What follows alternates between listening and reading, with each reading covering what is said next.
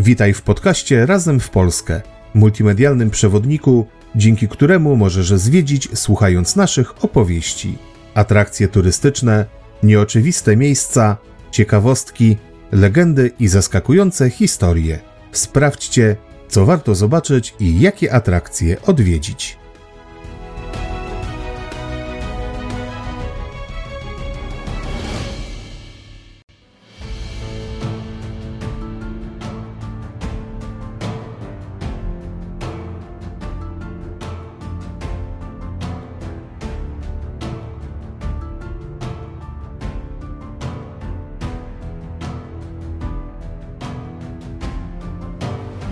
Jak naprawdę wyglądała budowa dumy PRL-u, jakie tajemnice kryją schrony przeciwatomowe z lat 50. XX wieku, jakie nowinki technologiczne zastosowano w średniowiecznych budynkach klasztornych i jak dziś wygląda strefa ochronna oddzielająca hutę od osiedli mieszkalnych. Opowiemy Wam o tym podczas wycieczki do miasta, które w założeniu projektantów miało być wzorcowym miastem socjalistycznej Polski.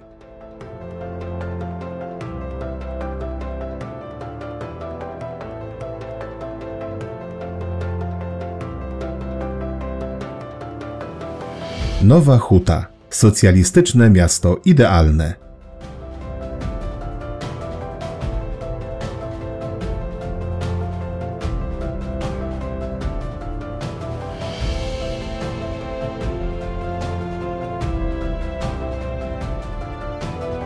Zapraszamy Was dziś do miasta, w którym próżno szukać starych zamczysk czy spektakularnych zabytków. Nie znaczy to jednak, że nie ma tam ciekawych miejsc, a i historia jego powstania wiąże się z wieloma mitami i tajemnicami. Odwiedzamy dziś położone w województwie małopolskim krakowskie osiedle Nowa Huta, które w większości z nas kojarzy się przede wszystkim z gigantycznym kombinatem metalurgicznym. Sprawdźcie z nami, co warto zobaczyć w socjalistycznym mieście idealnym Nowej Hucie.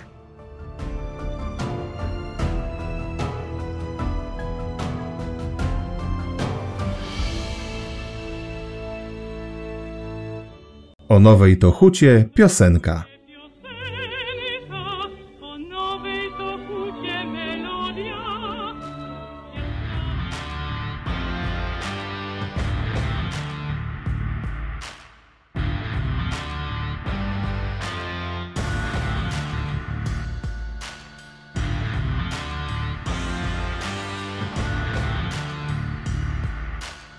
W lutym 1949 roku socjalistyczne władze podjęły decyzję o lokalizacji kombinatu metalurgicznego na terenie wsi Mogiła pod Krakowem. Miała to być jedna ze sztandarowych inwestycji planu sześcioletniego, stalinowskiego projektu skoku gospodarczego i budowy nowej klasy robotniczej. Początkowo budowę planowano w okolicach Gliwic, co uzasadniało pobliskie zaplecze surowcowe Górnego Śląska. Dlaczego więc zdecydowano się na lokalizację w pobliżu Krakowa? Władze chciały w ten sposób przede wszystkim odmienić charakter drobnomieszczańskiego i katolickiego Krakowa przez sprowadzenie tysięcy robotników z małopolskich wsi.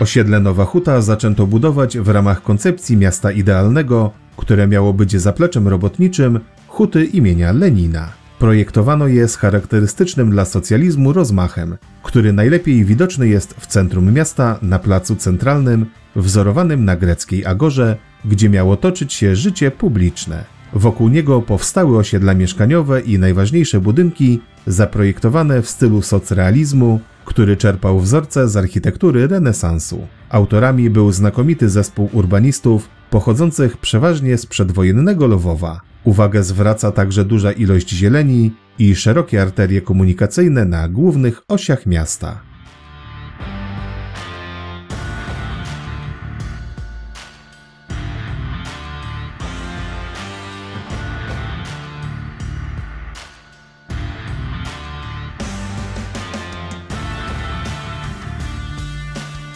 A jak naprawdę wyglądała budowa dumy PRL-u? Czy byli tam ludzie z marmuru i przodownicy pracy, Trzaskający codziennie po 300% normy, komunistyczna propaganda przedstawiała ich w taki właśnie sposób, podkreślając mit socjalistycznych budowniczych, wznoszących miasto dla siebie. Jako pierwsze w lipcu 1949 roku pracę rozpoczęły młodzieżowe brygady służby Polsce, do których z czasem dołączyli chłopi pochodzący z podkrakowskich wsi. W końcu Nowa Huta miała być dziełem niewykwalifikowanej, lecz entuzjastycznie nastawionej siły robotniczej.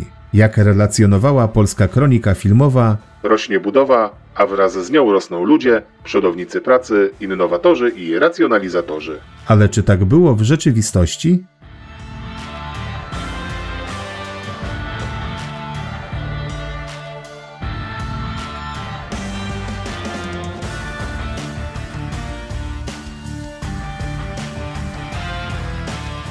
Najlepszą odpowiedzią jest propagandowe hasło Cały naród buduje nową hutę. I faktycznie, pod Kraków zaczęły zjeżdżać tysiące młodych i silnych ludzi, pochodzących głównie z ubogich podkrakowskich wsi, ale także repatrianci ze wschodu i żołnierze AK z nadzieją, że w wielkiej masie ukryją się przed UB.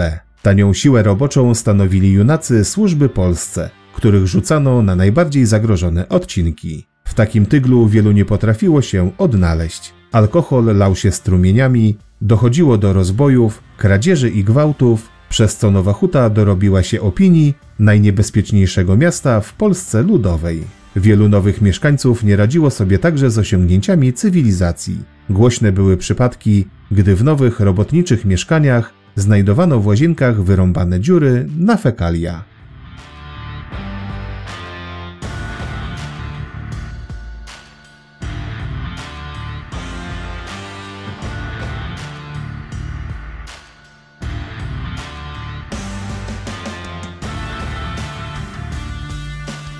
Ale wśród budowniczych byli też przodownicy pracy, jak Piotr Orzański, chłopak z podkarpackiej wsi, pierwowzór Mateusza Birkuta z filmu Człowiek z marmuru. W lipcu 1950 roku wraz z brygadą ZMP w 8 godzin ułożył 34 728 cegieł, wykonując 525% normy. Rok później był kolejny rekord 838%. Kariera Orzeńskiego nie trwała długo. Przy biciu kolejnego rekordu ktoś podrzucił mu rozpaloną cegłę. Znienawidzony przez kolegów, rozpił się i przestał być potrzebny partii. Skończył jako podrzędny pracownik huty imienia Lenina.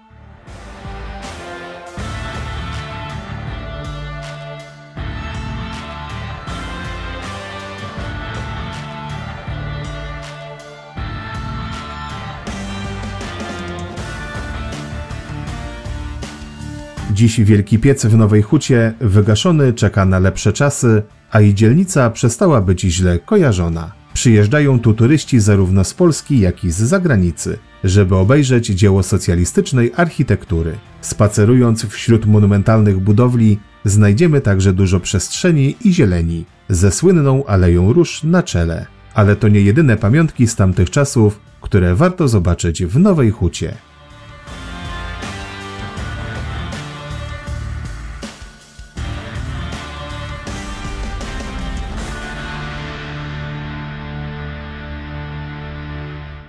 Schrony. Nowochódzkie podziemne miasto.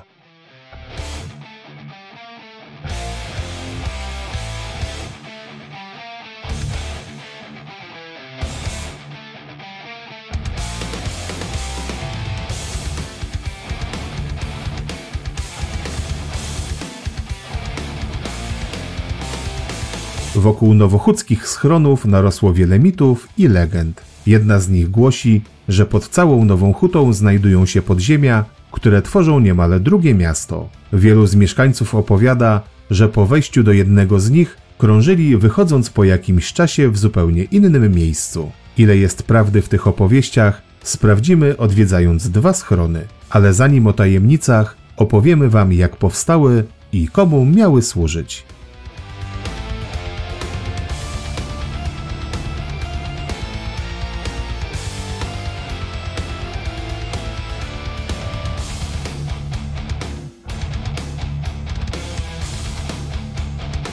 Lata 50. XX wieku to okres zimnej wojny między krajami bloku wschodniego pod przywództwem ZSRR, a Zachodem z USA na czele. Wyścig zbrojeń i zagrożenie wybuchem III wojny światowej z wykorzystaniem broni atomowej było w kilku momentach drugiej połowy XX stulecia bardzo realne. Władza ludowa postanowiła wykorzystać tę sytuację i podczas budowy wzorcowego miasta PRL-u pokazać, z jaką troską dba o społeczeństwo, budując przy okazji stawiania budynków mieszkalnych także schrony. A wszystko to działo się w myśl propagandowego hasła W odpowiedzi na atomy budujemy nowe domy. a pod domami stawiamy schrony.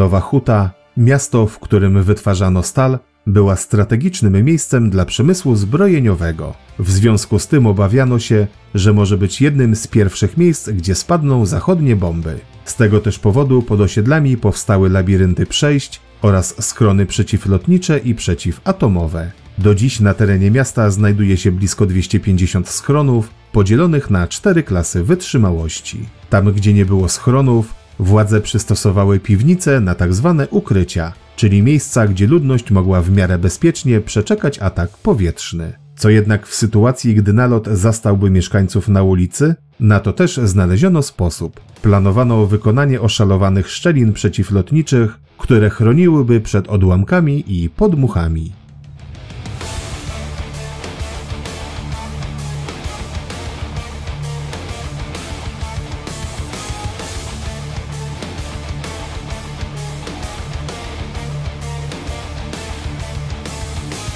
Największy z nowochódzkich schronów dla ludności znajduje się pod budynkiem dawnego kina Światowid, w którym schronienie mogło znaleźć kilkaset osób.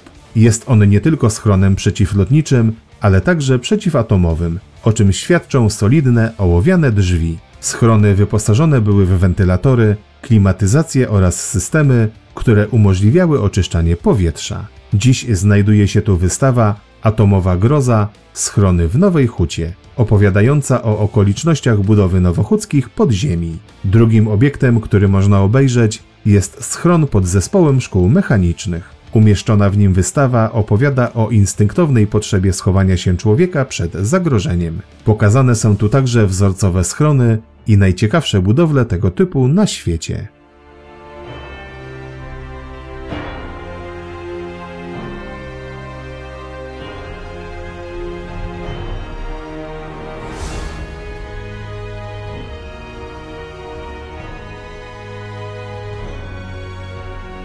Czy faktycznie z przymrużeniem oka należy traktować opowieści o śmiałkach, którzy zeszli w podziemia, a wyszli na powierzchnię na drugim krańcu Nowej Huty? Patrząc na rozmieszczenie obiektów i biegnące między nimi przejścia, jest to raczej niemożliwe, choć w wielu z nich znajdują się małe drzwiczki, za którymi biegną tunele. Podziemne miasto to określenie bardzo poetyckie, jednak zasadniczo trochę przesadzone.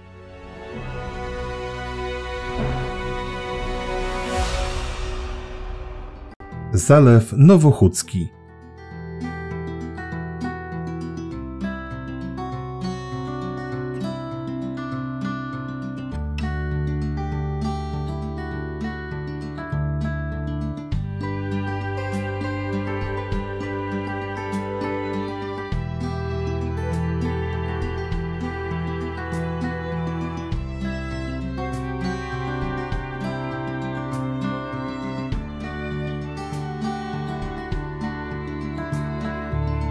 Jednym z ładniejszych miejsc, gdzie można odpocząć i nasycić oczy pięknymi widokami, jest sztucznie utworzony Zalew Nowochódzki. To najbardziej popularne miejsce rekreacyjne, gdzie można pobiegać, pojeździć na rolkach i rowerach, pospacerować, połowić ryby, popływać po wodzie czy poleżeć na plaży. Jeśli mielibyście ochotę zadbać o zdrowie i tężyznę fizyczną, to do dyspozycji jest tężnia solankowa i siłownia na świeżym powietrzu oraz boiska sportowe i place zabaw. Teren nad zalewem jest na tyle duży, że nawet jak jest sporo ludzi, to spokojnie można znaleźć miejsce dla siebie.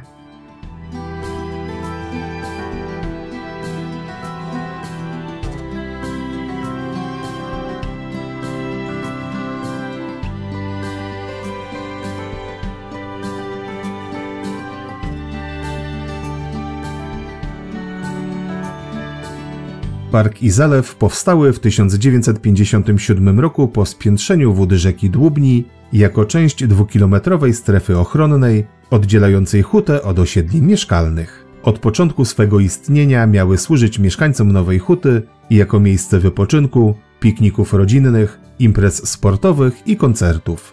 Długo nie były jednak wykorzystywane zgodnie z założeniami projektantów. Dopiero w początkach XXI wieku rozpoczął się proces przywracania założeniu pierwotnego przeznaczenia. Odmulono dno zbiornika, utwardzono drogi, odnowiono alejki, postawiono nowe ławki, wokół zalewu zainstalowano oświetlenie, dzięki czemu możemy tu dziś odpocząć w bliskim kontakcie z naturą.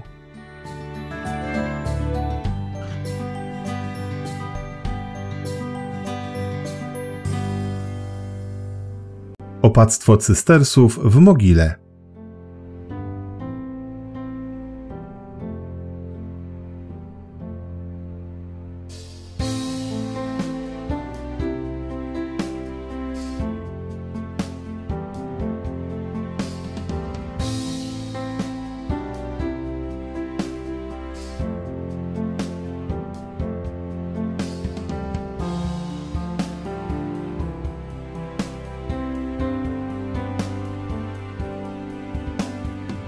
Opactwo w Mogile powstało w 1222 roku z fundacji biskupa krakowskiego Iwo Odrowąża, który postawił zakonnikom za cel usunięcie pozostałości pogańskich kultów, jakie od stuleci istniały w okolicy mogiły Wandy, tej, co nie chciała Niemca. Przybyli z Lubiąża cystersi energicznie wzięli się do pracy, jednak ich starania przerwał najazd Mongołów w 1241 roku. Zniszczyli oni powstającą świątynię i wymordowali sporą grupę zakonników. Ostatecznie w 1266 roku dokonano konsekracji kościoła i opactwa w obecności Bolesława Wstydliwego i jego małżonki świętej Kingi.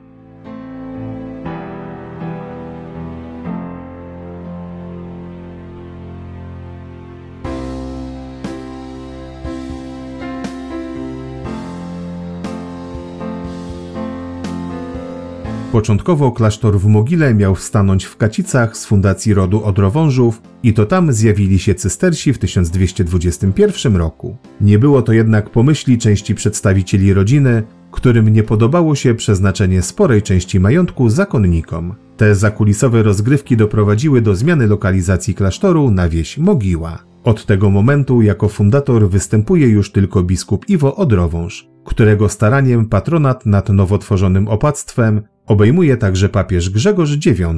Na uposażenie nowego klasztoru przeznaczono cztery wsie oraz sto grzywien czystego srebra, które Iwo ofiarował z dóbr biskupich.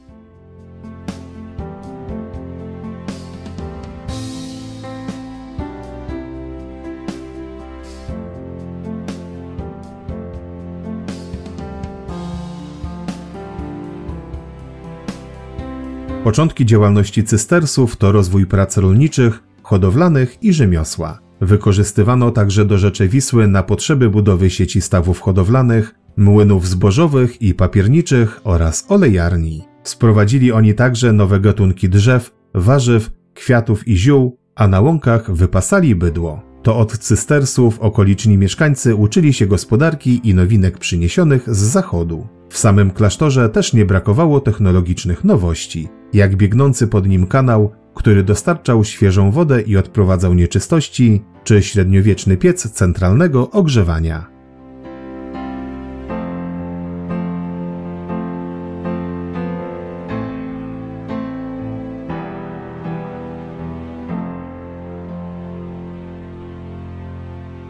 Prace budowlane przy klasztorze trwały przez kolejne stulecia, czyniąc z niego unikatową mieszankę stylu romańskiego i gotyckiego. W wyniku nieszczęść, jakie spadły na cystersów w XV wieku, zmuszeni zostali do generalnej odbudowy założenia. W XVI stuleciu przy klasztorze powstaje szkoła malarsko-iluminatorska, a jej najsłynniejszy przedstawiciel, brat Stanisław Samostrzelnik, ozdabia kościół i klasztor freskami. Jego dzieła do dziś można spotkać w najlepszych europejskich muzeach w Londynie, Monachium i Mediolanie.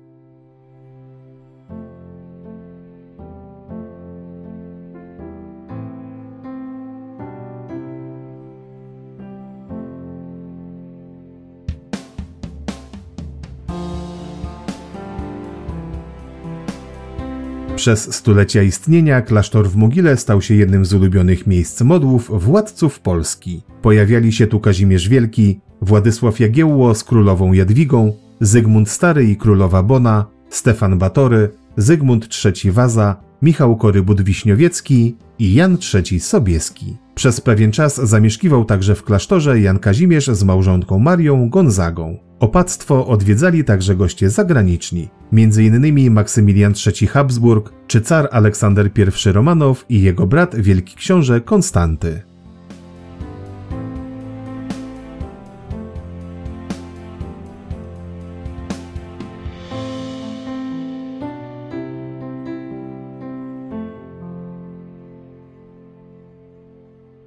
Z wojen szwedzkich klasztor wyszedł mocno uszkodzony, a jego odbudowa ciągnęła się niemal do połowy XVIII wieku. Na całe szczęście konwent w Mogile uniknął losu innych zgromadzeń i nie uległ kasacie podczas zaborów, leżał bowiem w obrębie wolnego miasta Krakowa. Jest zatem jednym z niewielu klasztorów na terenie Polski, które istnieją nieprzerwanie od prawie 800 lat, z krótką przerwą w czasie okupacji hitlerowskiej, kiedy to zakonnicy zostali rozproszeni. Powojenną restaurację zabudowań rozpoczęto już w roku 1946 i w ciągu dwóch lat częściowo przywrócono mu pierwotny wygląd.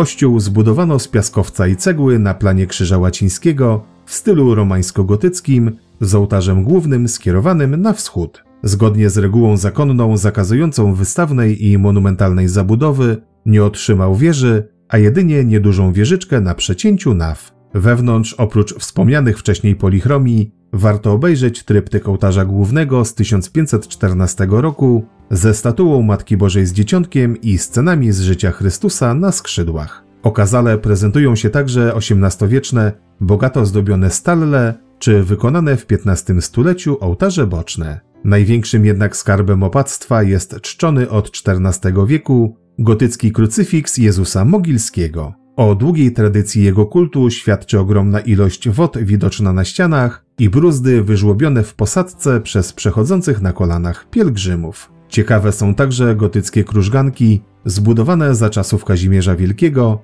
w których umieszczone zostały gotyckie i renesansowe płyty nagrobne oraz portal z XIII wieku.